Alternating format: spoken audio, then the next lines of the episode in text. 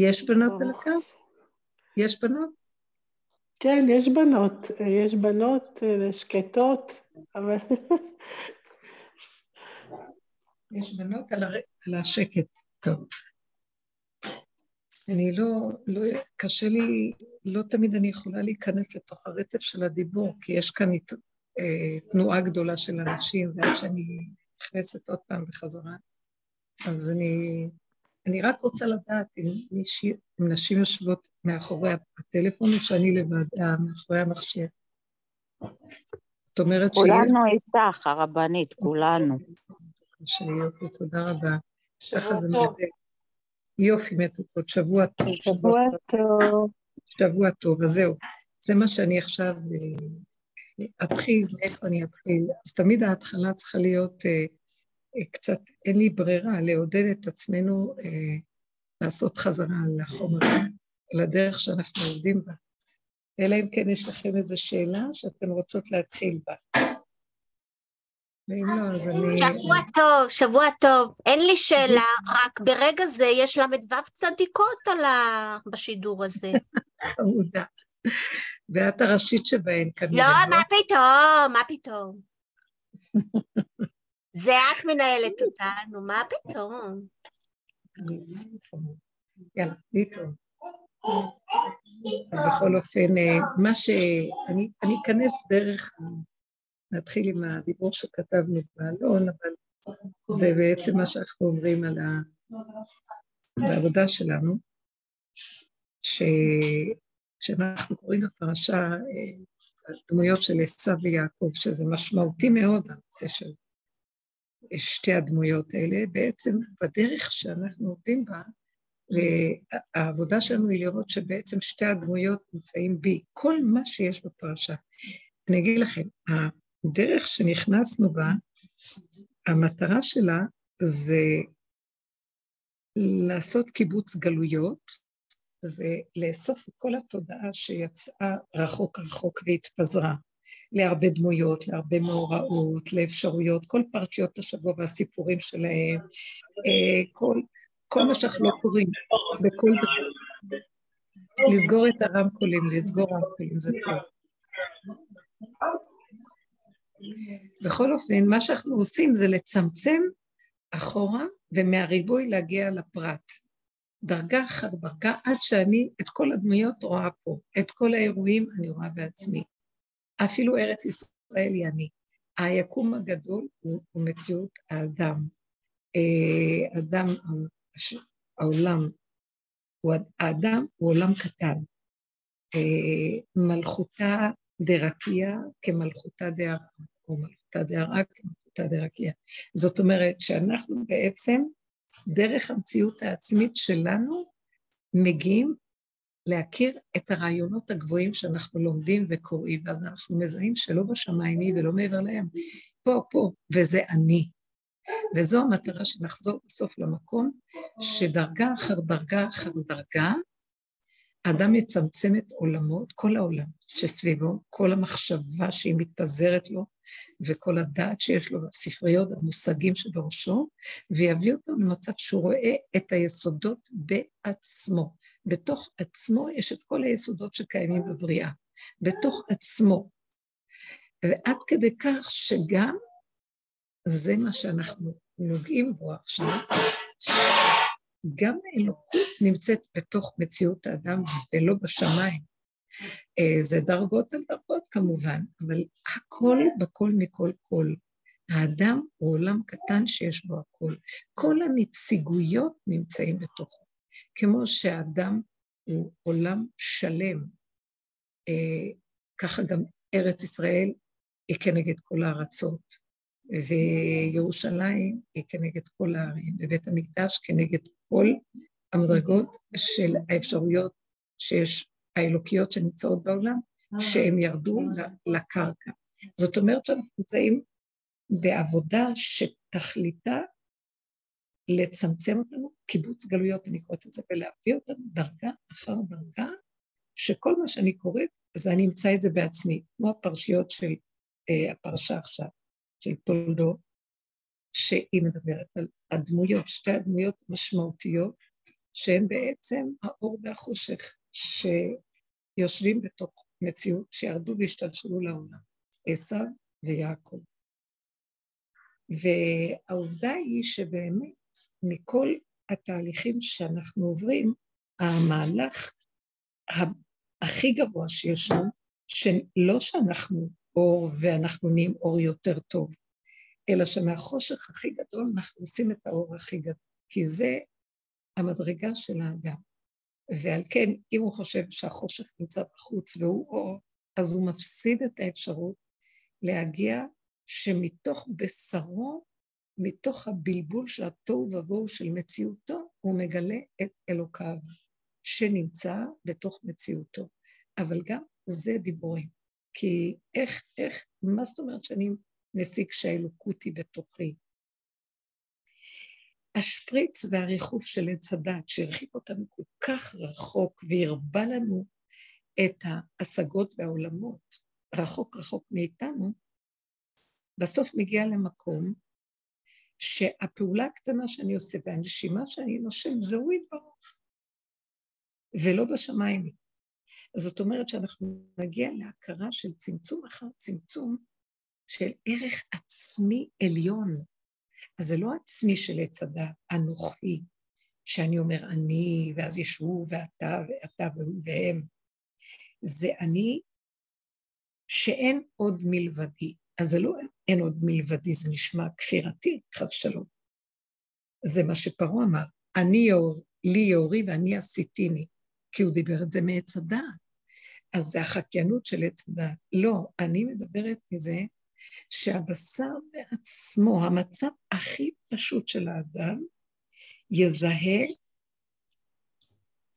שהנשימה שלו והפעולה הקטנה שלו וכל מה שקורה פה זה הכל אלוקי. וזה שום דבר לא שם. כמובן שיש מדרגות על גבי מדרגות, ויכול להיות שאחרי שהוא מגשר בחיי הגוף הזה את מציאותו, הוא ישיג בגוף יותר דק, אה, רוחני, אסטרלי, את המציאות האלוקית היותר גבוהה, זה לא משנה.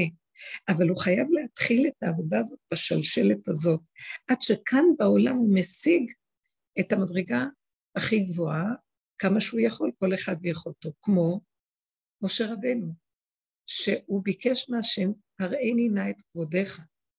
אז הוא אומר לו, אני, אחוריי יראו ולא פניי. הוא מראה לו את כבודו. ברמה שמשה רבנו, שהשיג את המדרגה שאף אדם לא השיג עלי אדמות, אבל הוא השיג בתור אדם את המדרגה שהוא ראה את מציאות השם, אמנם לא פניי, אלא אחוריי, אבל זה לא משנה, כי הוא מסביר לו, כי לא יראני האדם חי. אתה עדיין אדם, עם כל ההשגה הגבוהה שלך ועם כל המדרגה שלך, ועם הכל, אתה עדיין יכול לראות את המציאות של אחוריי. גם זה צריך להבין מהו, זה לא משנה עכשיו, לא נכנס בזה. אבל בכל אופן, הוא השיג את המקסימום האפשרי, מה שנקרא, ותחסרהו מעט מאלוקים. זאת אומרת שהאדם, מטרתו, ומשה רבנו דאז, הוא לא יהיה כמו מציאות משיח. כי מציאות משיח היא מדרגה יותר גבוהה עם משה רבנו. עם משה רבנו, אה, מה שחז"ל אמרו, משה ודוד זה השלמות, שזה בדעת המושלמת של הכרה שאין עוד מלבדו, דעת אמיתית של האור הגנוז, משה רבנו השתמש באור הגנוז. ודוד המלך שהגיע שמבשרו הפך את בשרו לעבד מעשו הבונים, מהבשר, מהחוויה הפשוטה של בשרו, הוא השיג את, בפרט, בנקודת הפרט, את מציאות הבורא. בתהום, במהות של הבסיס הכי הכי נמוך של מציאות החומר, אבן, אבן מעשו הבונים את הלשפים. החיבורים של שתי אלה זה שלמות, וזה בחינת משיח. תארו לכם איזה שלמות יש למשיח, אה, והוא בכלל כלפי חוץ לא, זה לא ייראה ככה, כאילו, כי זו דרגה פנימית עדינה. זאת אומרת, כל המהלך של כל העבודה היא שנהפוך להיות יותר ויותר ענבים, יותר ויותר, בוא נגיד את המילה, צנועים, יותר ויותר קטנים בתודעה, יותר ויותר חסרי שייכות לסערה המטורפת של מציאות עץ הדת, שהיא גדלה מעל עצמה והיא פשוט איבדה כיוון ושליטה, והכל רק כאילו, ולריק ולטוב. אז כל המציאות הזאת שאנחנו עושים אחורה אחורה מכל הדמיון, מכריח אותנו לחזור למציאות החומר הגולמי הפשוט, הפוך מהשפריץ של המרחבים הגדולים היקומיים האינסופיים, שיש במחשבתו של האדם, ויכול להיות שזה מה שזה יעשה גם בעולמו של השם, בעולם הגדול היקומי של השם, שזה את כל השפריץ הגדול של כל אה, החלל הגדול הזה, הגלקסיות וכל כוכבי הלכת למיניהם, כל המערכות השמימיות. בסופו של דבר, הכל הכל הכל בתוך האדם, בצמצום החומרי שלו, מתגלם. אין, זה מה שבעצם השם רצה, זה לא שזה אין סוף עולמות, אבל שבתוך האין סוף הבלתי נתפס של המוח, הכל בנקודה הקטנה יתגלם ויכירו וידעו כל יושבי תבל, שזה כל בחינת היקום, כי לך תכה כל ברך, תשבע כל לשון. בנקודה הקטנה הזאת יש בה את הכל עוד פעם מחדש. זה ריכוז וקיבוץ אה, גאוני, שבנקודה הקטנה יש את כל הדבר הגדול, והגדול בעצם שואף לסיים את, הוא שואף להתחבר לנקודה הקטנה, כי, כי, כי הוא מנותק, הוא בשמיים. החלל מנותק כביכול מאיתנו. לא, בכלל לא. הכדור הזה, שהוא סגולי מאוד, ויש בו את הכל כאדם, יש בו את כל ההשפעות של כוכבי הלכת פה, וגם יש פה את ההשפעות של אה, מעל לכוכבי הלכת שלנו, שאנחנו לא רואים אותם אפילו. את הכל יש בתוך המקום הזה, והרעיון של האדם ששמו אותו פה זה לחבר את כל השפריץ הזה ולהביא אותו בחזרה ליסוד הראשוני של אין עוד מלבדו מלבדי בתוך האדם. זה כזה אה, מדהים ומרוכז, אבל עכשיו זה נשמע גבוה וגדול. ובתהליכים של כל המציאות הזאת, זה שאנחנו עובדים דרגה אחר דרגה, להפסיק להתרגש, להפסיק, קודם כל להפסיק לחשוב ולהתבלבל עם הרבה אפשרויות מחשבות, התרגשויות למיניהן. אה, עד שמגיעים לנקודה הפשוטה הדקה. מה אתם מחפשים? מוצאת? מצאת אותו? וואו. עד שמגיעים, אולי במטבח, תבדקי, עד שמגיעים למקום שכמו תינוק קטן, זה לא יאומן, שזה פלא פליאה. גור האדם הקטן הזה מכיל את כל, את כל האפשרויות כרוכות בתוכו, וזה זה, ה, זה השעשוע של בורא עולם. הוא רוצה שהאדם יגיע למקום הזה. עכשיו, בדרך שאנחנו עובדים, אם תשימו לב, אנחנו בתהליכים האלה. איך אנחנו מגיעים למקום שעשב מסמל את כל הגדלות של השפריץ של העולם. אה, איך עשב אומר? שבפרשה הבאה שמביאים לו את הדורון והמנחה, לא, בפרשייה שאחרי, פרשת וישלח, אה, שיעקב אבינו הביא לו את כל המנחה, את כל... אז הוא אומר, אחי, יש לי רב, זאת אומרת, אני גדול, רב בארמית זה גדול, אני גדול, אני לא צריך שתביא לי, אני גדול. כל התפיסה שלו זה גדלות, חשיבות, זה גאות, זה ישות שמתפזרת ושולטת ויש לה כוח, והיא נגנבת שהיא חושבת שמעצמה הכוח שלה, זה הסכנה של הגדלות.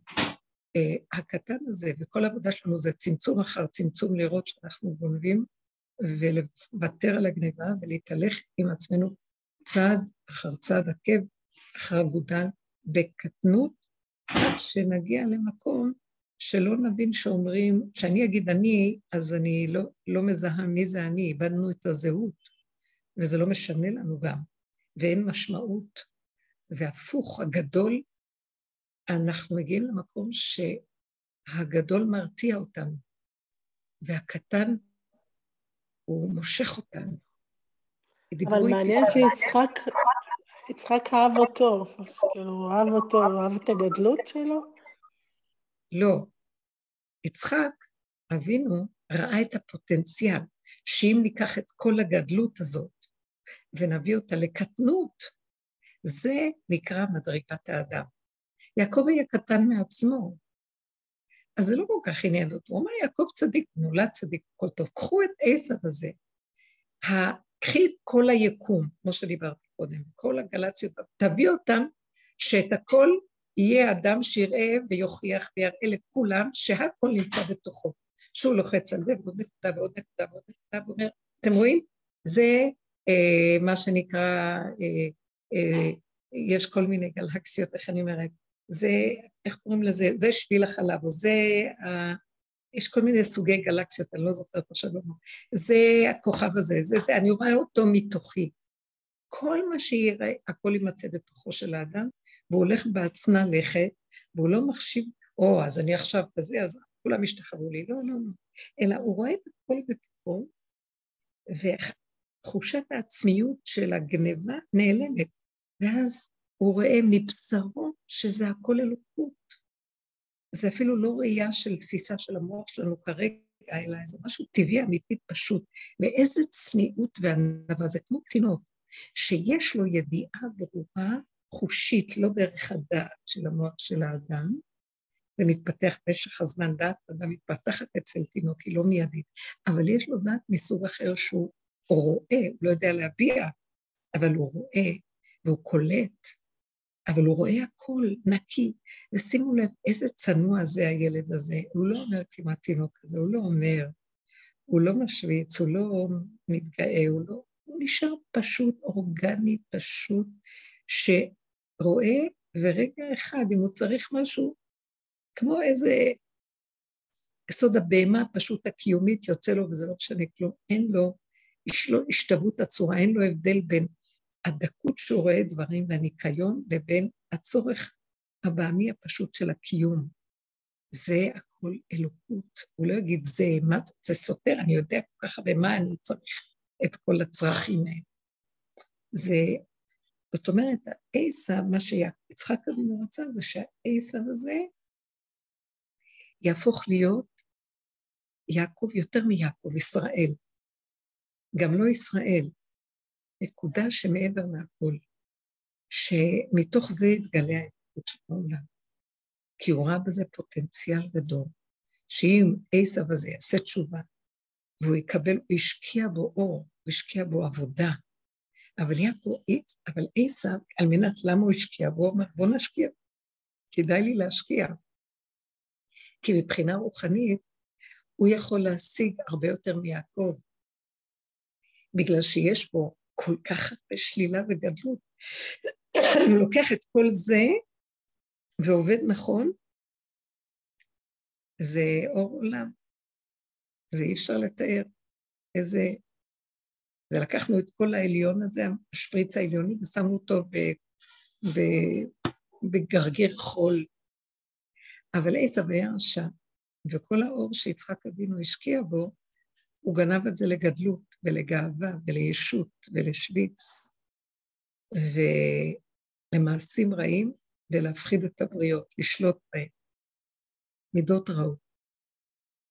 אז uh, בא יעקב ואמר, בקטנות שלו, אני בכל אופן אעשה את מה שאבא רצה. עם כל זה, אי אפשר היה שעשו יעשה את זה.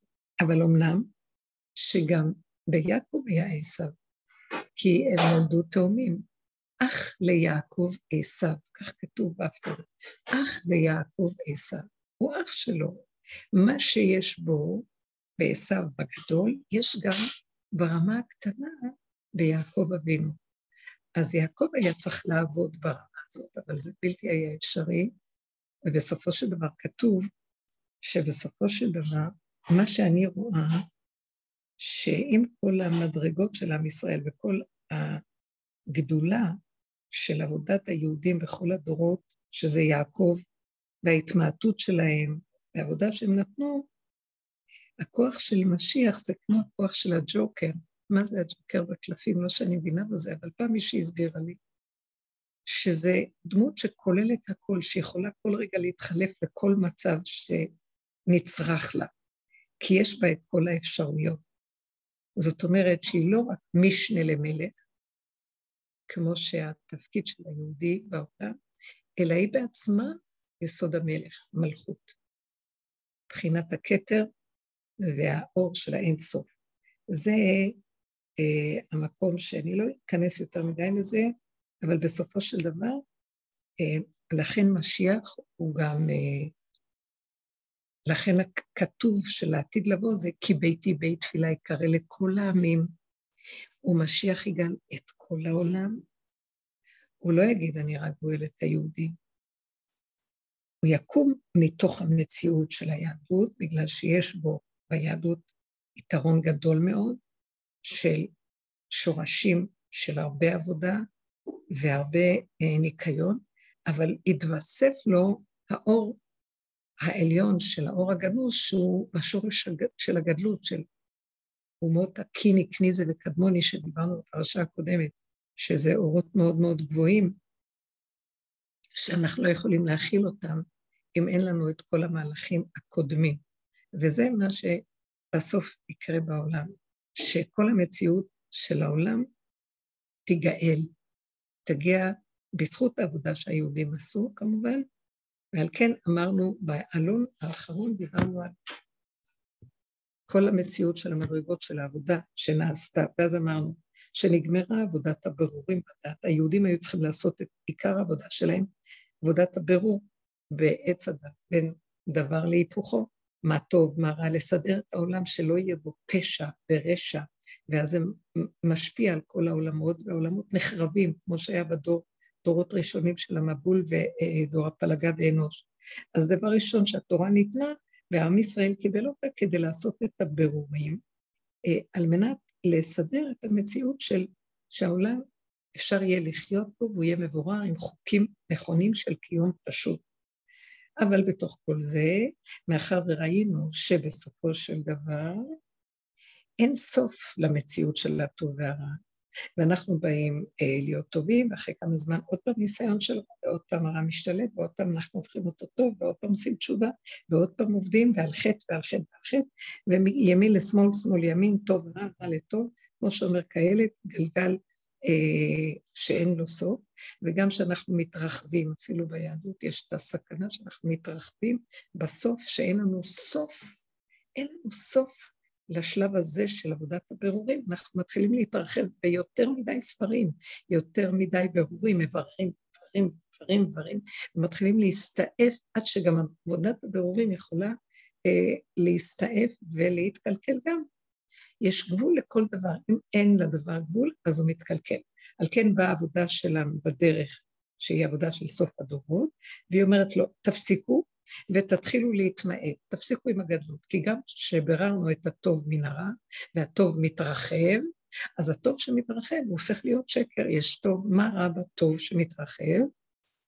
אה, יותר מדי נאורות, יותר מדי יפייפות, יותר מדי ידע, יותר מדי אה, עוצמה אישית של יכולת בחיובי גם לעשות חסד יותר מדי, הכל יותר מדי זה יוצא מגדר האמת, כי זה מתקצן כשאין איזון בין הימין הנכון, השמאל, השמאל הוא יותר אה, השלילה, אבל בכל אופן הימין מתחיל להתרחב ואין לו איזון, אז הוא הופך להיות שלילה גופה, זה סכנה, כל הזמן העולם בסכנה של שני המעגלים האלה, גלגל חוזר בעולם. על כן תבוא הדרך שלנו, והיא הדרך של, שהתחלנו בה לפני הרבה שנים, ולא רק אנחנו, זה כבר הרבה זמן שעובדים עליה, היא דרך שהתחילה כבר הרבה זמן, אנשים עובדים, ואז המהלך ש, של העבודה השנייה היא שאנחנו נכנסים להסתכל בהתבוננות העצמית, לוקחים את הבחוץ ומשתמשים בו לראות את האני, כמו שאמרנו בתחילת השיעור, מצמצמים את כל המציאות של העולם הגדול, ובמקום להיות בעולם, בטוב של העולם, מול הרע של העולם, אנחנו אומרים לו, העולם מתחיל להיות אני, לא בחוץ ולא בעד מקום, זה אני. אז כל מה שאנחנו רואים בחוץ בעולם, מתי אנחנו בעולם, כמו כולם, אז אני לוקח אותו עכשיו פנימה לתוך עצמי, והפנימה הזה, הוא מוליך אותי. עכשיו אני רואה אה, את עצמי. העולם הוא כמראה להראות לי את עצמי. וככה אנחנו מתבוננים ועובדים ברצו ושוב תוך ההתבוננות הזאת, ומה שזה עושה לנו, אנחנו נכנסים בצמצום. מתחילים להתכווץ פנימה, מתכווצים ומתכווצים ומתכווצים ומתכווצים, וראינו את עצמנו, וזה היה מאוד מאוד קשה לראות את עצמנו. אמנם הבנו שהבחוץ זה לא הבעיה, זה אנחנו, אבל גם אנחנו נכנסנו לאיזו מצוקה, כי מה, אני כל כך גרוע. ועם כל זה שכבר ראיתי שהעולם זה אחיזת עיניים, אבל נשארתי בדכדוך מתוך המציאות של עצמי, וכשאדם נכנס פנימה לתוך המקום הזה, לראות את הפגמים שלו, הוא כבר מתחיל גם כן פגם מולית פגם שמולית פגם, אז הוא גם הולך קצת בהתרחבות. כמו שאמרנו שהחיובי יכול להתרחב, גם ראיית הפגמים אין לה סוף, היא לא נגמרת. כל דבר שאנחנו עוד נמצאים בגדר העבודה שעץ הדת עוד נותן לנו, אמנם פה זה יותר פנימה וזה יותר זה אני, זה לא בחוץ, אבל אני משתמש בהתבוננות, בהבנה, בדעת שמתבוננת ורואה, בהכרה של עצמה, היא מול העולם, ויש לי צער, אז המקום הזה בסופו של דבר יכול להיות גם לעבור את הגבול שלו, ועל כן אנחנו אה, נזהרים ונעצרים ואומרים, לא רוצים יותר להבין, לא רוצים להבין למה קרה לי מה שקרה לי, לא רוצים לדעת, לא יכול אה, יותר לעבוד עם השלילה ולהתבונן בה כל הזמן, אלא אני מוכן להכיר שאין לי, שלפחות זה הביא אותי מקום אחד, כל החיוביות הנאורה הולכת ונגמרת לי, ואני רואה את הקלקולים, ושאני בור בלי תחתית, אני נוגע בתהום שלי, אני נזהר בשלבים מסוימים שזה לא יביא אותי לדכדוך, אז אני מסכים ומקבל ומשלים, ונכנס לגבוליות מאוד מאוד מאוד גבוהה. אני נוגע בתהום. תהום זה אותיות המהות. המהות שלי זה התהום. תהום. עכשיו, אני עומד על סף התהום, ואם אני אדע שעל התהום אני לא אוכל לחיות. אז אני כמו ילד קטן שנמצא בגבול, והגבול שלו מציל אותו. עכשיו, בשלב השלישי, כשאני עומד בגבול הזה, אני חייב להקשיב לגוף. זה התהליך הבא. נגמרו התהליכים הראשונים של העבודה של עם ישראל בכלליותה, עבודה שלנו בדרך גם נגמר, והדרך מגיעה לגבול שמזהה שאין לזה סוף. כי זה עדיין עוד הספיחים של עץ הדת בהתבוננות. ואז הוא מגיע למין גבוליות כזאת, שקשה לו מאוד להיות בעולם. קשה לו מאוד להיות בעולם, כי העולם, יש בו שתי עבודות, סור מרע עשה טוב, ואחר כך העבודה השנייה שיש בעולם, זו עבודה שעשינו, עבודה מאוד מאוד גדולה של הכרת עצמי, ושאני בעצם הבלגן. אבל עדיין, כשאני הבלגן, יש לי גם כן צער, ואני מנסה לעבוד על עצמי, יש לי ביקורת, יש לי התבוננות, יש לי הכרה, יש לי הבנה למה זה קורה לי, יש לי הבנה על כל היסוד שלי, אבל עדיין יש לי אני. כשגם זה נופל, כי אין לזה סוף וזה מסוכן, היה שלב שממש זוכרת שכולנו הגענו להכרה שאנחנו חייבים גם להפסיק לזהות, אה, לתת לשלילה שלנו ממשות. היא קיימת, זה המציאות של העולם, נעלם עץ הדעת, פתאום מתקטן. מה זה הוא מתקטן? אין משמעות לשלילה, אין משמעות גם לטוב, אין משמעות, זה לא משנה. אנחנו מתחילים לראות את הדבר הפשוט כהווייתו. גבולי, בלי לחשוב, בלי להבין, בלי מהות פשוטה, כמו בהמה פשוטה קיומית, בלי מדי גדלות. גם השם עוזר לנו שם, נעלם לנו הזיכרון הרבה פעמים, ואחד ועוד אחד שווה, זה כבר לא שם. אין כוח אפילו לחשוב ולהקיש דבר מתוך דבר, או להבין, או לקחת דוגמאות, הכל נהיה פשוט, פשוט, פשוט, פשוט, פשוט, גבולי מאוד. הגבוליות הזאת לא יכולה לחיות בעולם כרגיל. עוד בתהליך השני אנחנו צריכים עולם שיראה לנו את עצמנו. פה, במקום הזה, זה אנחנו בעולם. אי אפשר לנו לצאת מן העולם. אנחנו לא כמו רבי שמעון, אנחנו לא כמו הגברים שיכולים לברוח לאיזה נערה. אלה שנמצאים בתהליך השלישי חייבים להישאר בתוך העולם, אבל אין משמעות לעולם כמו קודם.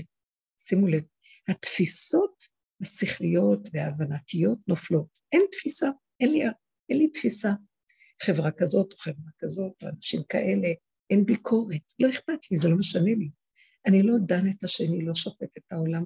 יש משהו פשוט שמקבל את הכל איכשהו, מבלי, אה, כמו, כמו הילד הזה שמסתכל, תינוק שמסתכל ורואה הכל, אבל אין לו דעה, ואין לו, לא רוצה להיכנס להבין למה.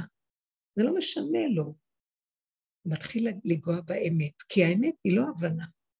הבנה זה צדק משמיים נשקף. הוא מבין ויודע, צודק. פה זה, זה נתון פשוט, נתון, אין לזה משמעות. ואז במקום הזה הוא חי בעולם בצורה אחרת. שימו לב איך בן אדם כזה חי. הוא חי כמו, יש איזו תסמונת שנקראת אספרגר, במרכאות. זו תסמונת שהיא, שלוקים בה, מה היא בעצם? שאין אה, יכולת חברתית. האדם הוא, בל, הוא בר דעת, יש לו שכל, יכול להיות גם גאון, אבל מבחינה רגשית הוא לא, אה, הוא לא מתחבר לעולם. הוא, אני פעם היה לי, אה, לא פעם, לא פעמיים, אבל אני זוכרת טיפול של ילד כזה, אני חושבת שסיפרנו עליו כמה פעמים, הוא כבר גדול. אז בכל אופן, הוא היה אומר, הוא היה בורח מהחיידר, למשל, מהתלמוד תורה, ואומר, אני יודע יותר מהרבס, אני לא רוצה לשמוע מה שהם אומרים, הם משקרים. אני לא מוכן, אני לא מוכן, אה, אני לא מוכן. אני, כל מה שהם מלמדים, אני יכול ב, בלבד, יכול ללמוד בשקט.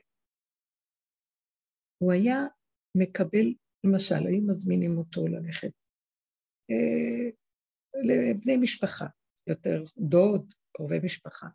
נכנס, אוכל, אה, בעדינות אוכל, נותנים לו אוכל, נותנים לו לשתות. אז הוא היה קם והולך, ואימא שלו אומרת לו, תגיד תודה. אז הוא היה מסתכל עליה ואומר, למה אני צריך להגיד תודה? אלה שהזמינו אותי מקבלים תועלת לא פחות מזה שאני בא ואוכל. אה, אני לא מבקש מהם שיגיד, יגידו לי תודה שבאתי לאכול, הם גם לא צריכים לבקש תודה שנתתי, שהם נתנו לי לאכול. שימו לב איזה נקיות ופשטות. זה לא שלהם גם, זה של בורא עולם. והוא נותן לי לאכול, אני רואה אותו, הוא גם לא אמר את זה בעזות ובחוצפה, זה לא שלהם. אז הוא אומר, זה גיל, הוא אומר במילים אחרות, אני יכולה, זה גילוי סרק, לא צריך. עצם זה שאני, הם, הם הכינו, נתנו להם להכין, ויש להם, אז יש להם. ואם אני באה ואוכלים, הם הכינו בשביל שיבואו ויאכלו. למה הם הכינו? לשמור לעצמם ושכל אחד יטפח להם את האגו ויגיד להם תודה, תודה, סליחה.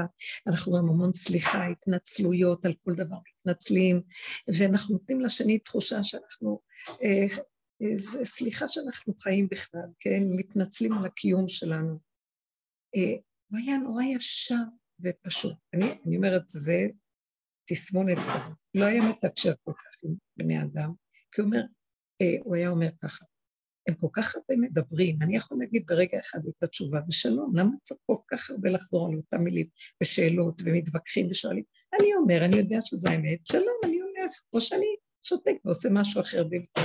למה אני צריך להיכנס לתוך כל הרחשת הזאת החברתית? אני לוקחת את התסמונת ואני אומרת, דוגמה כזאת, בסופו של דבר אדם כזה מתחיל להיכנס לעולם שהוא אמיתי וישר, ישר דרך. לא, הוא לא צריך להתנכר לסובב. הוא יכול לדבר, והוא יכול גם לשמוע מה שאומרים, אבל יש לו מנגנון פנימי גבולי שלא מתרחב, כלומר, הוא יודע. הוא יכול גם להגיד תודה, אבל לרגע קטן ואמיתי.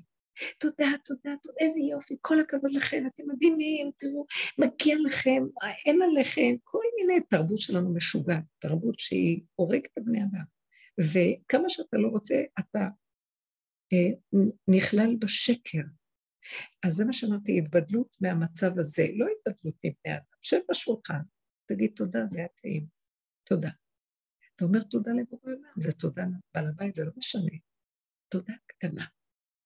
אה, שאלו שאלה, אתה יודע להגיד משהו? תגיד את התשובה. מתחיל להתווכח איתך, אני לא יודע להתרחב, לא רוצה להסביר, לא רוצה כלום. אני יכול גם להגיד מילה או שתיים, אבל תמיד צריך להיזהר שהצד השני לא יגרור אותי למצב שאני בלי סוף מסבירה ומתווכחת ואומר, זה בתהליך השלישי לא מתאים. בתהליך השני אני עוד מסביר לשני כי הוא רוצה להבין, ואני באה לעזור לו להבין, ויש לי עדיין סבלנות אליו, כי עדיין יש לי כוח להכיל, אני עוד בעץ הדעת, אומנם עץ הדעת של התבוננות ועבודה, איפה שהיינו קודם. אז יש לי, ואני מדבר ואני מכיל. בתהליך השלישי אין סבלנות. הדרישה היא, הגבוליות היא מחייבת, שאמרתי פעם, תקשיבו, אנחנו מדברים על נקודה, ככה צריך לעבוד בלהיות. אי אפשר למרוח ולדבר עוד פעם, ואפשר, זה כאילו יש לך בחירה ויש לך אפשרויות. אין בחירה, אין אפשרויות, יש נקודה. הכל ברמה של דיוק וממוקדות ואמיתיות, ואני לא כועס עליהם שהם כאלה גם. אוף, נמאס לי מהם. לא, אני רק נזהר. אני נזהר לא להתערבב, כי זה עולם גדול, הים גדול ורחב ידיים, שם מספר חיות אה, גדולות וקטנות אה, מסתובבת להם בתוך הים. יש העולם גדול, ומלא יצורים ומלא נבראים ומלא נוצרים ומלא כל מיני אני לא יכולה להגיד לעולם שיעשה בעולמו, אני לא יכולה להגיד העולם נמאס לו, לא. אני יכולה להגיד שאני גבולית ואני מדויקת ואני לא רוצה להתערבב עם מה שקורה בעולם. אני, למה? כי זה מזיק לי, גם אני יכולה להזיק להם. אני לא רוצה להיכנס יותר לתודעה הזאת, וזה, אני מדברת על השלב השלישי שאנחנו נכנסים אליו, אז uh, זה מה שאני אומרת, אני, אני אקריא את זה. כשנגמרו כל התהליכים הנ"ל, שאמרתי, סור מרע ועשה טוב, ועבודת ההתבוננות, ועבודת הדרך, מגיע אדם לגבולו, הוא מזהה את ההבל והמותרות שיש בעולם. כי הכל זה השפריץ שדיברנו עליו בהתחלה, שהוא אה, מרחבים על גבי מרחבים על גבי מרחבים של התפתחויות וחוק הנסיבות וההשתלשלויות. ובעבודה שאנחנו עושים בדרך, עבודה הקודמת, היא לצמצם, לצמצם, לצמצם נכנס פנימה.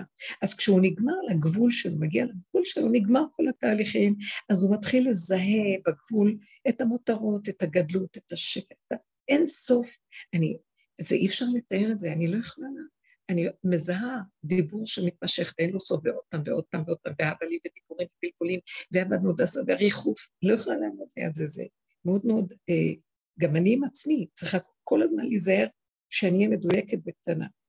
גם בנפשו הוא נעשה רגיש וקצר ברוחו, ברוח שלו, שזה בדעת שלו, לכל מיני מילים וכל מיני מושגים שנראים לו מיותרים לגמרי, זה שקר.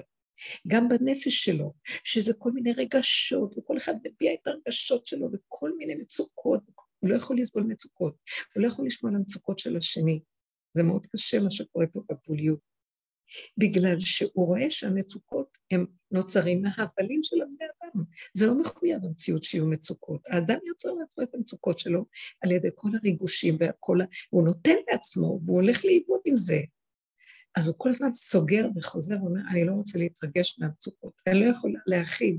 פעם היינו יכולים, היה לי רשימה של חולים, והייתי יום עומדת ומדברת עליו, ומבקשת עליו, לא מסוגלת, אני שומעת קצת, אני לא יכולה להכיל.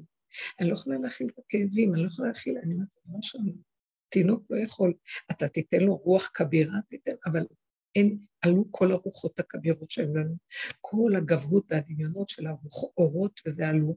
נשארנו כמו שרוקנו אותנו ונשארנו גבוליות קטנה, שלא מסוגלת יותר מכמו ילד קטן, ואין עליו גם טענה כי הוא לא יכול להכיל.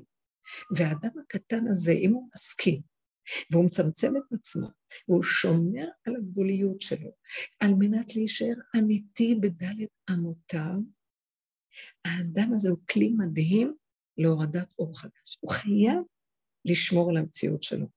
הוא לא יכול לרצות את השני. הוא לא מוכן להרבות סבר פנים לזולת, לחייך בעל כורחו כדי לשמח את השני. אה, לא חושב שהוא צריך להתנצל על קיומו, להגיד תודה מדי כמקובל.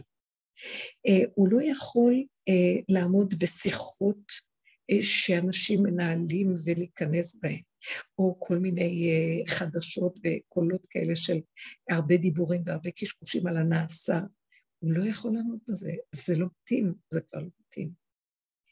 אה, המאורעות, האירועים הגדולים, חתונות, שמחות, רעשים, אי אפשר לעמוד בזה. אדם הגבולי הזה, לא מתאים לו, לא מתאים. הוא לא יכול, הוא מזיק אה, לקיום שלו, כמו תינוק שלא יכול להכיל.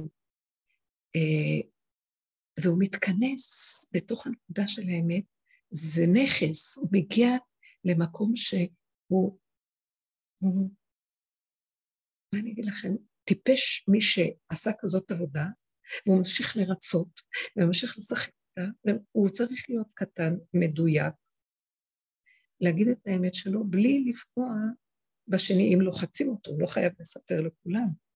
הוא מתכנס, הוא לא רוצה להת... להתערבב. אה, הוא בעולם, אבל הוא צריך להיזהר מאוד מאוד בעולם. אה, הוא אומר, הוא חי עם מה שעובר עליו בלי, בלי התרגשות והתפעלות עצמית. רק אה, בהווה, והוא הלאה מיד. אפילו אם יבוא לו איזה מצוקה, הוא מיד שוכח אותה ועובר הלאה.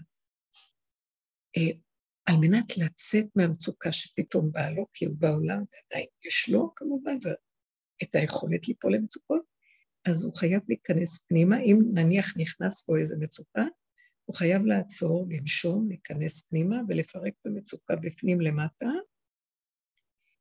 עד שהוא בדין ודברים עם עצמו ואומר, אין כלום, אני לא יכול להכיל, לא חייב, אני מוותר על הכל, אני מוותר על כל ההתרחשות שהייתה, אני מוותר על ההתנגדות שלי שמביא לי מצוקה. העיקר הכי גדול בשבילי זה להישאר ברגע בשלווה ומתיקות של קיום נקי וזך, שנושם,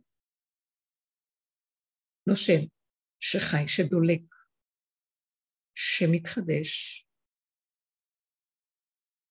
והוא מגיע למקום שהכפייתיות האכפתית על כל מיני דברים שבאה מהמודעות של עץ הדת הולכת ונגמרת לו.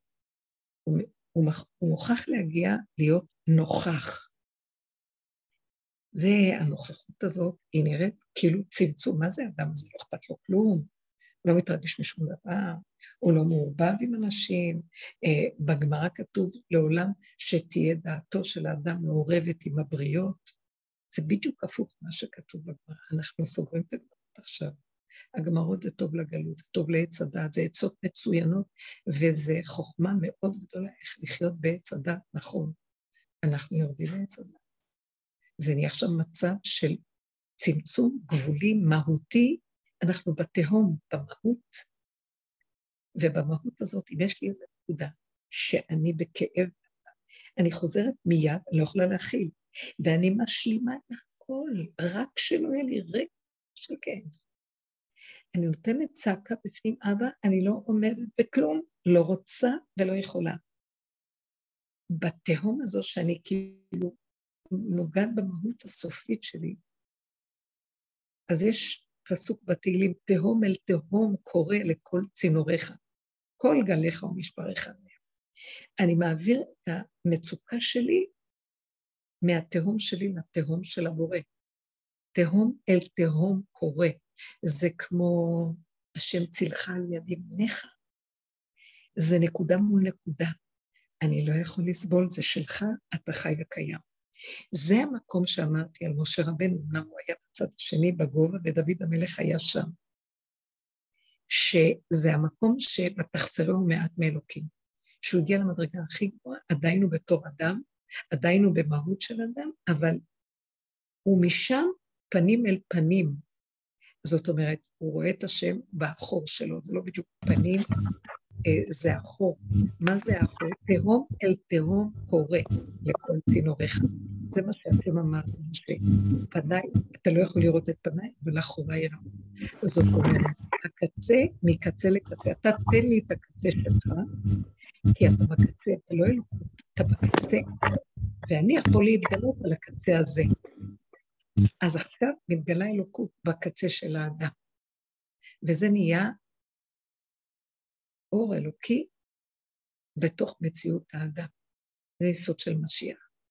אז uh, משה רבנו הצליח להגיע בדרגות של הדעת שלו למקום הזה, ודוד המלך הצליח להגיע למקום הזה במידות שלו, בצד של הנפש. זה בצד הנשמה וזה בצד הנפש. זה לא משנה, זה סוף ותחילת המעגל. שניהם ביחד זה החיבור המושלם. עכשיו, אנחנו במקום הזה, שאנחנו עושים את העבודה בסוף הדורות של דוד המלך.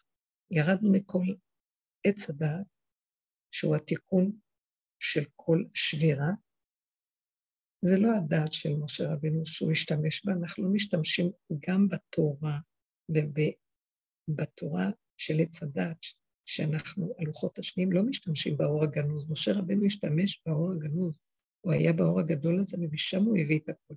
אבל זה נשבר ונכנס למצב של עץ הדעת. ועם ישראל עובד עם עץ הדעת, זה החכמים שהם עובדים בעבודת הבירורים, סור מרע, עשה טוב, וכל הבירורים. ואנחנו בסוף, בתהליכים היותר נמוכים של סוף הדורות, יורדים במידות. עזבנו את הדעות ואת הבירור שלהם, ונכנסנו למידות, אנחנו עובדים במידות. העבודה של הדרך היא במידות, כמו ששמתם לב, הפגמים במידות, בהתנהגויות, אה, בהתנהלויות של ניסיונות ונסיבות החיים, אה, של המעברים שאנחנו עומדים מול השני ויש אה, צד של רגש והתפעלות בצד הזה של הנפש. אז המטרה שלנו להגיע כמו דוד המלך לקצה של תהום, גם כי ילך בגיל צלמוות למטה, לא ירא רע כי אתה עמדי. למה? כי תהום אל תהום קורא לכל צינורך. אתה נהיה כמו צינור שמעביר מכאן לשם, והאדם מתחבר למקום של שקט, שלווה, ויש מהפך שם. קודם כל, המהפך הראשוני זה שלב לי, שקט לי. זו הישועה הכי גדולה, שאני לא רוצה אחריה שום דבר. אם הוא גם יביא שינוי של נתון מסוים, זה גם טוב. זה לא משנה לי. אם האדם בסוף אנחנו נהיה חייבים עכשיו, זה המקום שנפתח לנו, להתאמן במקום הזה של להעביר אותה, להעביר, להעביר, להעביר וייטר, לא לחכות, לא להתרחב, לא להתרגש, לא לשבת על דברים של התרגשות ולהתרחב בהם, זו סכנה גדולה. עכשיו, דיברנו על זה הרבה מאוד, עשינו הרבה עבודה כזאת, לסגור את המוח וכל המושגים, אבל עכשיו זה בבשר, וזה מחייב אותנו לא רק לדבר, אלא ממש להיות שם, עכשיו העולם חייב, העולם שלנו הפרטי וכל העולם יהיה מושפע מהעבודה הזאת שנעשית עכשיו, לא להתרגש מכלום, לא להשתהות על החמץ, לא להיכנס למצבים של אה, עוד פעם התרחבויות על העולם. וכאן מותר לו לאדם להיות קשור עם עצמו, ורק עם עצמו, והוא לא נקרא אנוכי, כי הוא עכשיו לא עצמו של עץ הדעת, הוא בגבול של כמו תינוק מהותי קטן, שאין אה, טענה עליו. מתי יש טענה לאדם? כשיש לו עץ הדעת. אתה רצית להיות כמו אלוקות, אתה רצית להיות כאלוקי, אז אה, בבקשה תרים את השק, ואם לא עשית, אתה תיענש, כי אתה, רצ... אתה רצית. במקום הזה אדם נכנע, אני לא רוצה אלוקות, לא רוצה כלום, אני קטן, אני לא מכיל, אני גבולי, אני לא מציאות. האדם עשה תשובה, היהודי עשה תשובה דרגה אחר דרגה, עד לנקודה שלא נותר ממני כלום. מהות פשוטה, אה, אסנס, זה, זה כמו זה אפילו המגושם שלו לא מגושם באמת, הוא לא, הוא לא גוף, הוא נוגע כבר בגוף, אבל זה לא גוף כמו פעם. זה לא נקרא אפילו גוף, זה גוף כמו תינוק. אי אפשר לקרוא לגוף של התינוק גוף. הוא כל כך עדין ומתוק, כל כך נקי ופשוט. זה לא חומרי, זה גוף, אבל גוף אחר, ברמה אחרת. עץ הדעת מעכיר את הגופים. עץ הדעת של קודם, הוא אה, מזהם את הגוף. הוא עושה אותו חומרי ומגושם וקשה. אז כל הדורות ברחו מהגוף כי פחדו ממנו, כעץ הדעת. אז עץ הדת נשאר בחיובי וברוחני, אבל הגוף, בסופו של דבר הוא הישועה של הכל. תנו לי את הגוף, אני רוצה את הגוף לשכון בו, אבל תפרקו, תפרקו, תפרקו, תגעו בגבוליות של הגוף, הגוף הופך להיות מהות פשוטה, עדינה. חוק הטבע הבסיסי האנרגטי האורגני של קיום האדם. בלי כל ההבלים והביטויים. עכשיו, זה צמצום מאוד גדול. אני הוספתי ואמרתי שקצת, השם שם לי את המחשבה, כתוב, אור לארבעה עשר בודקים את החמץ. בניסן, בארבע עשר בניסן, בערב, יש בדיקת חמץ לפני ליל הסדר, ט"ו בניסן. אז למה קוראים לזה אור לארבעה עשר? זה בערב. מה זה? זה אור לארבעה עשר, בודקים את החמץ. זה תמיד uh, האור שמתחיל ביום. למה קראו לזה אור? הצמצום הכי גדול של החושך הכי גדול, שבו אנחנו מגיעים לגבוליות הכי גדולה, שזה תמיד לפני האור יש חושך גדול, ט"ו זה אור גדול, וי"ד זה, זה חושך הכי גדול. תמיד לפני ההדלקה יש איזה חושך. אז החושך הזה, שזה הצמצום שאנחנו נמצאים בו, הגופים המצומצמים, הוא הבסיס של האור הכי גדול שהולך להיות. על כן חז"ל אומרים, אור לארבעה עשר. זה המקום שאנחנו מוכנים להיכנס בצמצום הזה, זה לא, זה נשמע נורא ביום, אני לא מעורב בבריאות. אספרגר, אמרתי לכם, זה תסמונת אספרגר, אני נראית כמו איזה אוטיסט, מה זה? לא מחוברת, לא מקושרת, לא כלום. לא, האדם מקושר, אבל הוא לא מקושר מהאגו שלו ומהדת שלו. הגבוליות מקשרת אותו, נכנס אור מתוק בתוך הגבול ומחבר אותו. אני ישר ראיתי פה, ישבתי פה, לא היו הרבה אנשים, יש, בשבת ישבתי ודיברו. היה מישהו, ש, מישהי שבאה והתארחה, והיא מדברת, היא הרבה מדברת. היא אישה מדהימה, אבל מדברת, מדברת, מדברת, ויש לה המון הבנות, והמון ידיעות והבנות, והרבה שאלות, והיא רוחנית. ואז באיזשהו מקום אה, לא יכולתי להכיל, אבל היא פה, ואני מאוד אוהבת ומכבדת אותה. אז צמצמתי את עצמי לתוך הנפש שלי, ו- ו- והייתי במקום הפשוט של האוכל. האוכל היה טעים לי, טעים. Uh, תודה רבה לאפרת שהיא גם שלחה לי אוכל. והנוף זאת אומרת, הגשם ירד היה כל כך יפה, והמרפסת יפה, והיה שם עציץ מתוק, והסתכלתי עליו. ולא היה לי, לא הייתי מנותקת. ראיתי ושמעתי, והייתי במקום, אבל בחרתי, כאילו לא אני בחרתי, הגבול שלי לא יכול היה להכיל, אז איזה בחירה יש לי? הצמצום הציל אותי. והייתי, והשתתפתי והבאתי, נכנסתי. זה לא כמו שפעם הייתי בשולחן והיה לי כאבים, ואז הייתי משתדלת אה, לא להפגין כלום, אז הולכת למטבח ומעסיקה את עצמו בלהביא ולהגיש. לא, הגבול הוא כזה מתוק, היה לי שקט נפשי, הסכמה והשלמה מוחלטת שאני גבולית ושזה בסדר, גם לא רוצה יותר מזה. כי תשש כוח הסבל, ואין לי כוח יותר לסבול, ואין לי כוח יותר לתרבות החיים הזאת של המעורבות הרגשית והדעתנית והחברתית והרוחנית וכל השקר, לא מסוגלת יותר כלום, לא מסוגלת, אפילו דבר שהוא לא ב, מ, מתלבש מיד וטוב ונעים איתו, לא יכולה, לא יכולה להחזיק סידור, לא יכולה להחזיק לרגע. זה משהו קטן, אם מתפרגן, ואם זה עובד וזה זורם וזה בסדר. ואם נניח התחלתי משהו להתפלל, ופתאום היה איזו הפרעה, ולא, והדעת פסחה לי, לא יכולתי לגמור, אז לא גמרתי. זה לא היה לפי כללים ולא חוקים, לא כלום. הכל בדיוק מדויק איך שהגבול בא ואומר, אין טענה ואין דרישה, כי האדם, אין ביקורת, אין מוח שיושב ומבקר, כי הוא לא יכול. כי הוא חייב קודם כל לתת לעצמו תמיכה באשר הוא, לא להלאות את נפשו, ולא לרדת עליה, ולא לדרוש מעצמו, ולא אה, לצער את עצמו בעבודות של התנגדות, כי המוח אומר שצריך להתגבר על היצר וכל הדברים. שום דבר. באשר הוא שם. כמו שכתוב, אה, כי שמע השם את כל הנער באשר הוא שם. במציאות שלו, איך שהוא שם. זה הגבול שלו, ושם שומעים אותו, ושם אין טענה עליו ואין עליו קטרוג, כי הוא אמיתי עם הגבול. וזה המקום שאנחנו צריכים להגיע אליו, וזה, אה, עכשיו, שאני כתבתי כאן גם שהוא בעצם נראה כאילו הוא מתבדל בעולם, אבל הוא לא מתבדל, פשוט יש לו איזה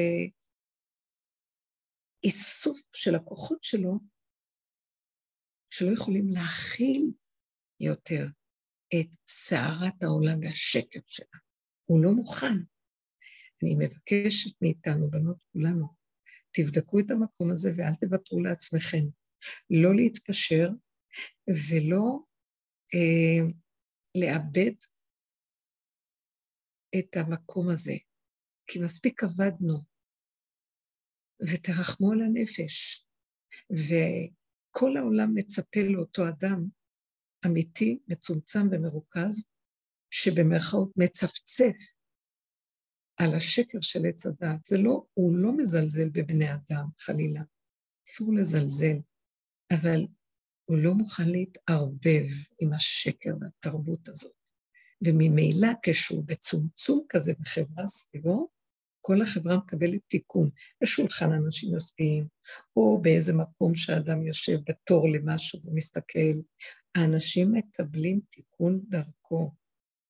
השם רוצה לצמצם את עולמו, לנפות את עולמו מההבלים והשקרים שכל כך פשו והתרחבו, והעולם הלך לאיבוד. אנשים אפילו לא שמים לב, אבל הם, יש רחמנות גדולה על העולם. אה, צמצום זה שאנחנו חיים בו עכשיו, מחייב את האדם סוף סוף לקחת את עצמו באמת ברצינות של אין עולם, לא סתם לדבר ולדקלם אין עולם, אין עולם ולהמשיך להתערבב. כדאי לו להעריך את הסבל שהוא עבר בתהליך, בתהליכים של ההתעוררות של כל גליך ומשבריך על היבר. אה, כי אם לא, הוא מלאה את החיות שבו, שמתחילה לבצבץ לו חיות של אמת מתחתיו, מפנימיותו, התהום אל תהום קורע, מבצבצת לו חיות שהוא יפסיד אותה, אם הוא לא יכבד את עצמו. זה הפך מהמקום של, uh, uh, שאנחנו חושבים בעץ הדעת, שזה, מה אני נותן כבוד לעצמי, מי אני בכלל, אז בוא נלך בענווה, בשפלות, כל זה. אין צורך אפילו בענווה, כי הוא בנשיאות הענווה. אין צורך בשפלות, כי הוא נמצא במקום של שפלות. הוא הדבר בעצמו. הוא לא צריך להביא את עצמו לדבר, אלא הוא בעצמו הדבר. שימו לב לדקות הזאת. ועליו לכבד את המקום הזה, אפילו אם העולם יראה שהוא מוזר, לא לשים לזה שום ממשות. כי אם הוא לא נותן כוח לשני שרואה אותו, מתווכח איתו, מוכיח לו שהוא לא, אז uh, הוא נותן, הוא בוגד באמת שלו. לא להתווכח. איפה שאין הדבר, תשמע, אל תאמר. Uh, הוא לא רץ לשום מקום. שימו לב, כל מה שחז"ל אמרו עכשיו מתקיים בדרכה אחרת, מי שם לב? מצווה בא לידך אל תחמיצנה. הוא לא רץ לאף מקום, הכל מתקרב עד אליו. אז המצווה באה עד אליו, אז, אז הוא לא מחמיץ אותה, אבל הוא לא רץ לחפש מצוות, הוא לא רץ לעשות חסדים, הוא לא רץ להזמין אנשים, בואו אליי, איזה חסד, בואו תהיו אצלי. אה, ביום חמישי פגשתי איזה מישהי והיא דיברה עם איזו אישה, ואז היא אמרה לי, האישה הזאת כל כך זקוקה לעזרה, והיא אה, במסכנות רוצה לברוח מהבית, ואין לה כוח להיות בבית. ואז המחשבה הראשונה שעלתה לי, השבת אין, אין הרבה אורחים, יש כמה שהגיעו, מעט. אז אולי אם היא רוצה, היא יכולה לבוא. ואז דיברתי איתה. היא נתנה לי לדבר איתה בטלפון, איזה, ממש בדקה אחת, דקה זה לא זמן, שבריר של זמן, אה, משהו התנגד לי מהדיבור שלה, משהו התנגד לי, ואמרתי לא, אני לא יכולה להיערך. לעצמי אמרתי, לא אמרתי לה, ומה שעשיתי זה, ניסיתי לחפש מקום אחר שאולי תוכל ללכת. זה לא יקרה, בדרך כלל אני אומרת לעצמי, מה את מנדבת? תקחי, את יכולה, תקחי. לא יכולתי. וכיבדתי את זה, וחזרתי לנקודה שלי. ולא היה לי אפילו טיפה של מצפון או מוסר יהודי, לא אדם במצוקה, כי אני קלטתי שאני לא אהיה לה לתועלת, מה שאני לא אדבר, היא לא נמצאת במקום להקשיב, אה, היא יוצרת לעצמה את המצבים שלה, נכון שהיא לא אשמה והיא תקועה בזה, אבל אני לא יכולה כרגע לעזור לה. זה לא המקום שאני יכול לעשות פה כלום. שימו לב, והיה מדויק, והייתה לי אפילו שמחה, כי יכול הרבה פעמים מתלווה מצפון, אה, ואדם אומר, מה אתה, למה אתה כך, מה, אה, לפי החינוך שקיבלנו בתרבות וכל זה, זה לא. לא, לא היה שם אפילו טיפה של מצפון, או טיפה של איזו דרישה וביקורת עצמית, כלום. הכל היה מושלם, והרגשתי שהשכינה מחבקת אותי, אני לא יודעת איך להסביר את זה, זה כאילו, הכל בסדר. אני אטפל במה שצריך, זה לא, לא כל דבר. יש רגע שמתאים לנקודה, שמתאים לדבר בגבול הנכון. הדיוק הזה עכשיו הוא הדבר הכי גדול שקורה עכשיו בעבודה. זה כבוד לנקודה של האמת. אז מה שקורה הוא, והשם שם לי עכשיו מחשבה שזה נראה ככה, כאילו האדם הולך ומצטמצם ומצטמצם ומצטמצם, עד כדי כך שהוא לא מה שפעם, אה, שהוא יכול לעשות דברים, ובטבעו של האדם לעשות חסד, שאכפת לו מהבריות, לזכות הרבים, לרוץ אחר מצוות, וכל כל מיני דברים. לא. פתאום הסתכלתי וראיתי שזה מה שהולך לקרות בעולם. העולם ילך ויצטמצם. תקשיבו, זו מחשבה שהוא שם לי חזק. הולך העולם ומצטמצם, ומי שלא יסכים להיכנס בצורה הנכונה ועוד ימשיך עם ה... אני לא רוצה להגיד את זה אפילו. אמ, האישה הזאת לא הקשיבה, וישר דיברה, ודיברה על העניינים שלה, ודיברה, ודיברה, וראיתי את התקיעות, אבל ראיתי איך שהגלגל יוצא, היא לכודה בגלגל של עצמה. ואם אני אכניס שם משהו, להושיט ליד ולהוציא, היד שמה שאני אכניס, תמשוך אותי אליה, ולא הפוך, אני אמשוך אותה אליי. וזה היה סכנה. ואז מה שראיתי, הפסוק הזה שחז"ל אה, אומרים, והנותר בציון, זה מהנביא, והנותר בציון קדוש יאמר לו, שארית הפלטה בהר ציון. יהיה שארית, יהיה מעט, כי כל הגדלות תיפול, כל ההבלים וכל העקשנות הזאת וכל הסערה הזאת לא ייתנו לה קיום, אם האדם לא ירצה לוותר על זה. הוא יגיד, לא, לא, לא, הוא יגיד, אני בסכנה, אני בסכנה, אני קודם לכל. זה המקום שאני מדברת עליו. כן. שבוע טוב. שבוע טוב. אפשר לומר שאני חדשה בתוך השיעורים של הרבנית, ואני מאוד מנסה להבין ובאמת להיות ככה קשובה בפנימיות על דברים, אבל אני מרגישה שעכשיו הרבנית אמרה איזשהו משפט שככה מביא אותי לשאלה הזאת בעצם, שהרבנית אמרה שאם אני מתחילה להתפלל ואני מרגישה שזה לא מתאים לי להיות שם בתפילה, אז אני לא צריכה אה, להיות מה שנקרא, להכריח את עצמי, ואני יכולה להפסיק באמצע. אז אה, פה נשאלת לי פה שאלה, בעצם אנחנו נכנסים למקום שאנחנו חס ושלום נוגדים את ההלכה, וכל עוד את אומרת על יחסים שבינו... תעצרי פה. בבקשה. אז תעצרי פה. זה לא מתאים, השאלה שלך לא מתאימה לי, אין לי תשובה אליה. זה תהליכים שאנחנו עוברים בנפש, ומהתורה של עץ הדעת, וגם גם מההלכה שנוצרת בתוצאה מהתורה, לעץ הדת, התהליכים שאנחנו עוברים מבשרנו, דרגה אחר דרגה, צמצום אחר צמצום פנימה, מתחילים לשחרר אותנו מהעול של חשבונות רבים, מהעול של הגלות, שזה מה זה הגלות? תורת הגלות, התפיסה של אה, המוח שיש בו מצפון ויש בו חרדה ופחד ומחויבות. המקום של העבודה הפנימית, תינוק, אין לו פחד, אנחנו מחזירים את הבחירה לרמה של גבוליות. אם יכול, טוב, אם לא, אז לא. Uh, אני רק אזכיר שזאת עבודת נפש מאוד מאוד גדולה, היא מאוד מתאימה בדרך כלל לנשים, גם גברים מצטרפים אליה שיש להם מדרגת נוקבה, זאת אומרת שהם בעלי נפש, רגישות ובעלי נפש. והרבה מה, מהדורות החדשים שבאים, קשה להם מאוד עם לימוד הגמרא ועם לימוד ההלכה ברמה אה, שזה היה בכל הדורות. והם מגיעים למקום שהם כן מקיימים וכן לומדים אה, חלקים, מקצועות שונים בתורה, שלא דווקא מהגמרא, והמקום שלהם הוא, הם עוברים בנפשם, הם עוברים התנסויות בנפשם גדולות מאוד, שהמעברים שהם עוברים והעבודה הפנימית שנעשית מבשרם היא אה, לאין ארוך, אי אפשר לתאר אותה, זה כמו שהנביאים, הם מגיעים למדרגה שהם יורדים מהדעת שלה, מהלימוד והדעת והקיום בדעת, למצב של אמת של הבשר ודם, שכל התורה תידחה מפני המקום הזה. התורת אמת, כמובן התורה נשארת בדרגות של אמת, מבלי התרחבויות, כי אנחנו בהתרחבות מאוד מאוד גדולה.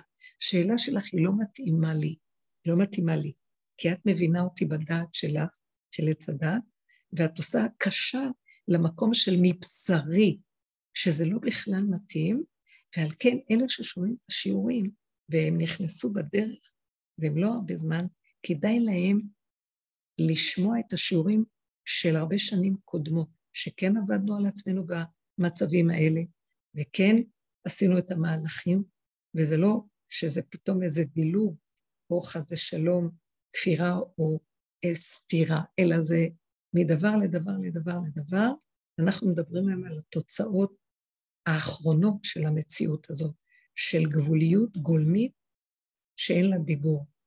סוג של אנשים כאלה שעליהם נאמר, הייתי בני עלייה והם המועטים, שהם מיעטו את עצמם. המוח שלהם כבר לא עובד כמו המוח של העולם, וזה מה שאני מדברת. על כן, תשובה, שבא, שאלה שבאה מהמוח של העולם המקובל, של התהליך הראשון שכתבתי בעבר, שזה א', צור מרע ועשה טוב ועבודת הבירורים, השאלה שלך מתאימה לעבודת הבירורים, לתהליך הזה, היא אפילו לא מתאימה לתהליך ב'. אנחנו מדברים על תהליך השלישי, שאמרתי שאנחנו בגבול, ובגבול אין מוח כמו של העולם, כמו שאותו אה, דוגמה שנתתי לכם, שאותו ילד נכנס ואוכל, והוא לא אומר, הוא אומר תודה בקטן, הוא לא משתפך רגשית ומתנצל ומכיר טובה ברמות שכל כולו רצה רק אה, לרצות את השני ולהראות לו את גודל הכרות הטוב שלו, זה שקר. הוא אומר, לא, זה לא עובד ככה באמת. האמת שהכל זורם והכל פשוט. אותו דבר עם תפילה. שקודם כל, על פי הדין, נשים פטורות מתפילה, אלא אם כן מקבלות על עצמן, חוץ מדברים מסוימים שקיימים, שהם כן, ויש פוסקים בדור, בדור האחרון, בדור האחרונים, שכן חייבו את הנשים, מאחר ואנשים קיבלו על עצמן. הגאון מווילנה היה פוטר את אה, הבנות שלו שלא ילכו לבית הכנסת, את הנשים במשפחה שלו. וגם אם יתפללו, אז היה בתוך ביתן ובקטנה. אה, תפילה אחת ביום, גם כן, זה חלק, אם אני אלך כבר על העניין של ההלכה, וגם אה, כל אחד ובאשר הוא ואיך באשר נשים יש להם מהלך אחר, שהעבודה שמתאימה להם יותר, לא עבודת החקיינות של הגברים שאנחנו נכנסנו בדור הזה, שזה הסידורים והתפילות והלימוד שיש לנשים היום, אלא זה עבודת הנפש כמו שאנחנו עובדים, עבודת דוד המלך, עבודת המידות, מבשרי. אז כל הנושא הזה שיש היום בדור שלנו ספרי, ספריי ספריות וכל כך הרבה דעת, כל כך הרבה אה, חוקים והלכות ואנשים יודעות ומלמדות והן מקיימות מלבד זה שהן גם צריכות להיות נשים וגם אימהות וגם אה, מביאות פרנסה וגם וגם וגם וגם, עד שהכל הופך להיות אה, בליל של אה, ישות וגדלות ועצבנות ומתח, והתורה פטרה אותנו מזה ולא נדרשים, אבל אנחנו בעקשנות של גדלות עץ הדת, כן, אנחנו רוצים גם כן את הגדלות ולהרגיש שאנחנו גם מרימים ראש ויש לנו גם חלק, במקום להבין שהחלק שלנו הוא באמת להיכנס בעבודת הדרך, במרכאות, זו עבודה שרב אושר נתן לנו, זו עבודה של, של אה, דרכי דוד המלך ועל שם טוב, כל עבודת סוף הדורות שבמידות, אנחנו צריכים לעבוד עם המידות, לא עם הדת, לא להיות צדיקות עם ההלכה, אלא אנחנו צריכים להיות במידות ישרות, נקיות, הכנעה, תמימות, ענווה, פשטות, אהבה שאינה תלויה בדבר. אז אני לא אמשיך, כי אני קצת קלטתי מאיפה השאלה שלך, אני לא יכולה לענות לך במקום הזה.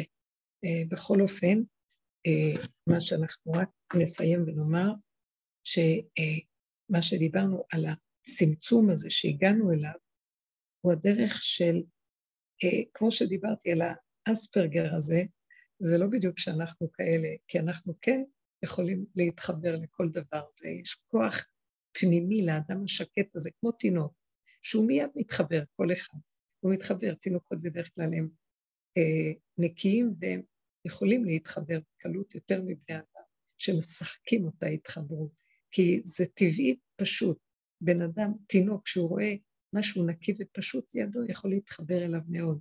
הוא יכול גם לזהות שמפחד להתחבר לבן אדם מסוים, כי הוא רואה את המחשבות שלו, הוא גם רואה את ה... אה, יש עליו, על בן אדם, התינוק הוא רואה, הוא כל כך יש לו זכות שיכול לראות אה, על הפנים שלו דברים אה, לא טובים, אז הוא נרתע. אבל בדרך כלל תינוק מתחבר מיד לכל דבר.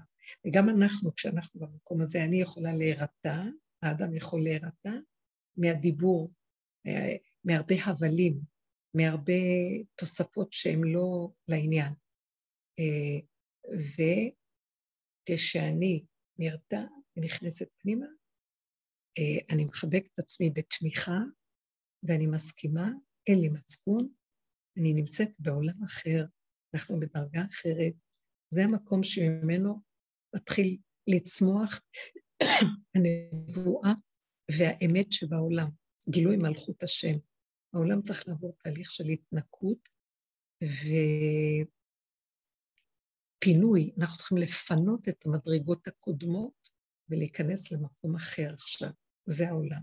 הוא נכנס למקום אחר, פשוט, נקי, מצומצם, נקודת, נקודת הפרט חשובה, אבל פרט נקי, פרט גבולי, פרט אמיתי. זה משהו אחר לגמרי. הוא לא מתבדל, הוא לא מרגיש ש... אלא הוא שומע, זה, זה הגבול שומר אותו. הגבוליות שומרת עליו, מגינה, זה כמו ענני כבוד שבאים לא מהצד של הדת, הם באים מה, מהתהום, ושומר על הבן אדם שהוא לא ילך לאיבוד בתוך סערת עולם טיפשית.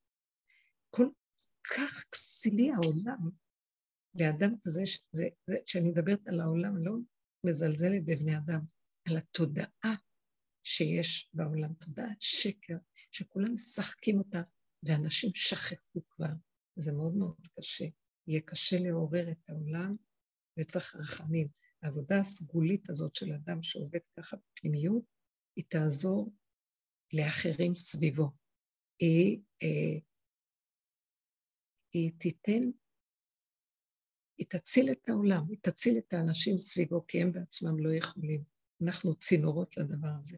ובל נחשוב לעצמנו שזה אנחנו. זה הזכות שזו, שזכינו לה, ונשארים ככלים ריקים, צינורות פשוטים, שדרכם יופיע מה שיכול להשפיע טובה לעולם, להשפיע רחמים על העולם. זה שאמרתי בסוף, שהעולם מתחיל להיות בצמצום כזה, שתדעו לכם, ש... שהמותרות יתחילו להיעלם, שיתחיל להיות מעגלים מעגלים של פינוי זבלים ומותרות. אז כדאי לנו להצטמצם ולהסכים לוותר על כל מיני אה, הנהגות של מותרות, אה, ריצוי שלא לעניין, חנופה, התנצלות, פחד מהזולת.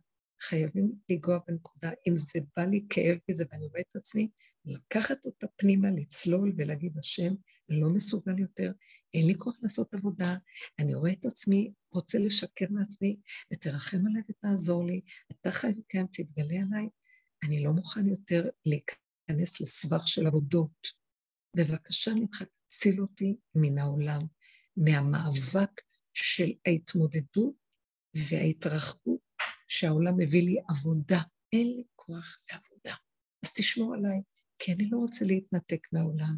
אני אוהב בתוך עמי אנוכי יושבת, ואני אוהב את האחים שלי ואני בתוך העולם, אבל אני לא רוצה להתחבר לשטן שבעולם, לשקר שבעולם, לדמיון ולהבלים שהם הם שמונעים מאיתנו את החיבור איתך. בבקשה, אבא, תהום אל תהום קורה. אני מדברת אליו מהתהום שלי, זה הסוף שלי, אין לי לאן ללכת, תעזור לי, זה הסוף, אני לא יכול יותר. אין לי ידיעה לאן, בבקשה. והוא כנגדי תהום אל תהום קורה, ושומע אותי, ודבר מעניין, תרגישו את זה. שקט נהיה שלווה, נעלם הכאב, נעלם הצער, נעלם המצפון, נעלם ההתלבטות והספק, ונהיה פשוט. לא, אז לא, והכל בסדר, לא קרה כלום. זה מקום טוב, ואנחנו בדרך זה נלך. תודה רבה לך. מדהים, מדהים. הלוואי שנזכה. בריאות ונחת.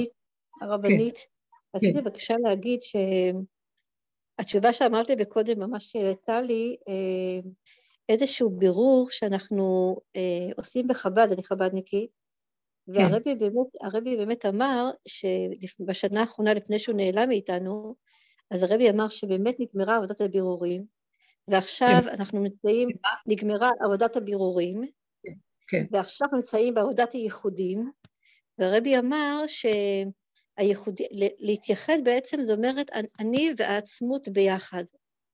שעכשיו. העצמות מתגלה בגוף הגשמי כפשוטו, וצריכים, ובשביל להתחבר עם העצמות, אז צריך את הפשטות הגדולה ביותר. באמת הוא אמר את זה, שלא לעבור דרך השכל, לא לעבור דרך ההשגות שלנו, אלא באמת להתחבר עם העצמות בצורה פשוטה. ויש לרבי באמת... אה, כן, זה מאוד מאוד נפלא. כן. יש לרבי שיחות אה, בעצם אה, שנה שלמה שהרבי כתב על כל פרשה ופרשה את העניין איך מתחברים עם העצמות. אוקיי, אז זה מה... בדרך הזאת קיבלנו את הדרך, שזה השלב ב' שכתבתי באלון, שזה עבודת ההתבוננות הפנימית, מבחוץ פנימה. לקחת את כל הדעת של הבירורים שיש לנו, שאנחנו יותר טובים, אסור מרע, עשה טוב, טמא טהור, מותר אסור, אשר פסול, ואת כל זה הפנמנו פנימה, והתחלנו לראות שאנחנו לא כאלה כמו שחושבים את עצמנו טהורים וטובים וצדיקים ונקיים, זה הדמיון שלנו עדיין שמזהה את עצמו בחיובי, והתחלנו לראות את הגניבת דעת והשלילה. זאת עבודת הדרך, זאת עבודת המידות, זה הדרך של ההתבוננות פנימה פנימה בחורים ובסדקים, בחמץ, ממש כמו לפני הפסח, והגענו, היו לנו הרבה כאבים לראות את עצמנו, לא כמו שחשבנו שאנחנו ידענים מלא ספריות ודעת, אנחנו לא בחוכמה ובבינה ובדעת, אנחנו ברפש, בבוץ ובטיט של הבשר והדם שהלך לאיבוד עם כל השקרים של העולם, שהמוח של עץ הדת מרחיב לו את המידות שלו ושולל לו את האמת.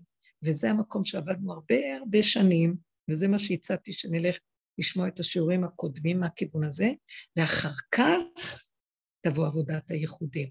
הרבי, אה, עליו השלום צדיק, יסוד עולם, ידיד נפשי, ממש, כל כך מעריכה את הדרך ואת הגדלות שלו, והוא התכוון שעבודת הייחודים תבוא בסוף, אחרי שנעשה את מה שאנחנו עושים עם העבודה הזאת, כי אפשר לדלג אי אפשר לעשות ייחודים על הלכלוכים.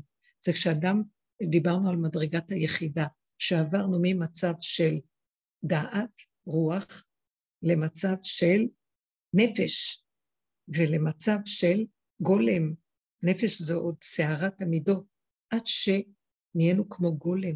אין לנו כוח כבר, וגם הגולם הזה עובר למצב של מהות פשוטה, כמו מסערת עץ הדת, הענפים וסבך היער לגזע של העץ, והגזע הזה כבר אין לו כוח, הוא במהות, באסנס הפשוט, כי כבר אין לו כוח לראות את עצמו ואת הלכלוך שלו. העולם כבר אין לו טענות עליו, יש לו טענות על עצמו, אבל גם על עצמו אין לו כבר כוח טענות. הוא מתחיל להיכנס למדרגת היחידה. מהגולם מתחיל להתגלות פרפר, וזה נקרא התחלת הייחודים, שהוא מגיע למקום שהוא יחידי, זה כמו אספרגר הזה, זה, זה, זה, זה אוטיזם, זה יחידי, אבל עם הגבול האמיתי שלו מול בוראו, מול התודעה הפשוטה שאין לו לאן לפנות. הוא לא יכול לבחור כי אין לו בחירה, הוא גבולי. הוא לא יכול לחשוב מדי, כי זה מוביל אותו לשקרים והבלים והתרחבויות. אפילו אם זה דעת אמת, כשהיא עוברת ומתרחבת בהרפות ספרים, לעשות להג הרבה, אז אין קץ, אני מתרחק מהגבול, מהקץ שלי, קץ כל בשר, שם נמצאת גאולה, וזה המקום שאנחנו מדברים עליו, והרבי, אה, עליו השלום צדיק יסוד עולם, ואי אפשר לתאר, הוא הבחינה הזאת שאומר, שמה זה הייחוד, שמה זה להתייחד עם עצמי, עם האלוקות שבתהום אל תהום קורא לכל צינוריך.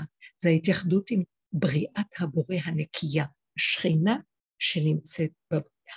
ולזה איפה שאנחנו מגיעים, והזכות הזאת, הלוואי ונזכה ונתחבר לרבי הקדוש, לצדיקים הקדושים האמיתיים, שזה לא יאומן, אני, אני רק מדברת עליו, כל הלב שלי נדלק מאהבה שאי אפשר לתאר. וזה גדולי העולם, צדיקים, רב אושר מאוד החזיק מהרבי ומכל הצדיקים. תודה רבה לך. תודה רבה לך. אני רוצה, אה, בעצם כן. אני, אני הצעתי ליעל לשאול אותך, כי הייתה, כי היה לי ברור שאת יכולה לתת לה את התשובה למצוקה הזאת שלה, את יכולה לתת לה יותר מכל אחת אחרת. תפסיקי לבלבל את המוח. אבל ככה, כזאת אני, כזאת אספרגר, עוד לא הגעתי לשם, נו, אני עדיין מבלבלת את המוח. אני יכולה לבד לתת... אז רציתי להגיד תודה רבה ליעל שהיא פתחה מיקרופון ושאלה, כי ככה את סידרת גם לה, גם לכולנו, עוד הפעם, זה לא היה סתם. תודה, יקרה, רות. סליחה שבלבלתי לך את המוח. לא, לא בלבלת לי, בלבלתי. אני, כל אחד תיתן תשובה, לא כולנו כאן כלים. תדעו לכם, אתן יודעות את זה, בדרך הזאת, מי ש... רב אושר אומר, מי שמעביר את הדרך ומלמד, הוא היותר גרוע מכולם. רק הגרוע יכול להיות המורה, א', ב', כל אחד הופך להיות בדרך הזאת מורה לשני. הוא סיבה וכלי שדרכו, אם החבר ישאל אותך שאלה, תדברי, תראי שהשם נותן דרכך תשובה לשני. אנחנו הופכים להיות כלים זה לזה, וזה לא רק אחד. השם נתן לי תשובה להגיד לה, תשאלי את הרבנית. מתוקה, טוב. תודה רבה. יאללה, תודה, תודה, שבוע טוב לכולם, תודה. שבוע טוב, אהבה רבה, הכל טוב. שבוע טוב. תודה רבה.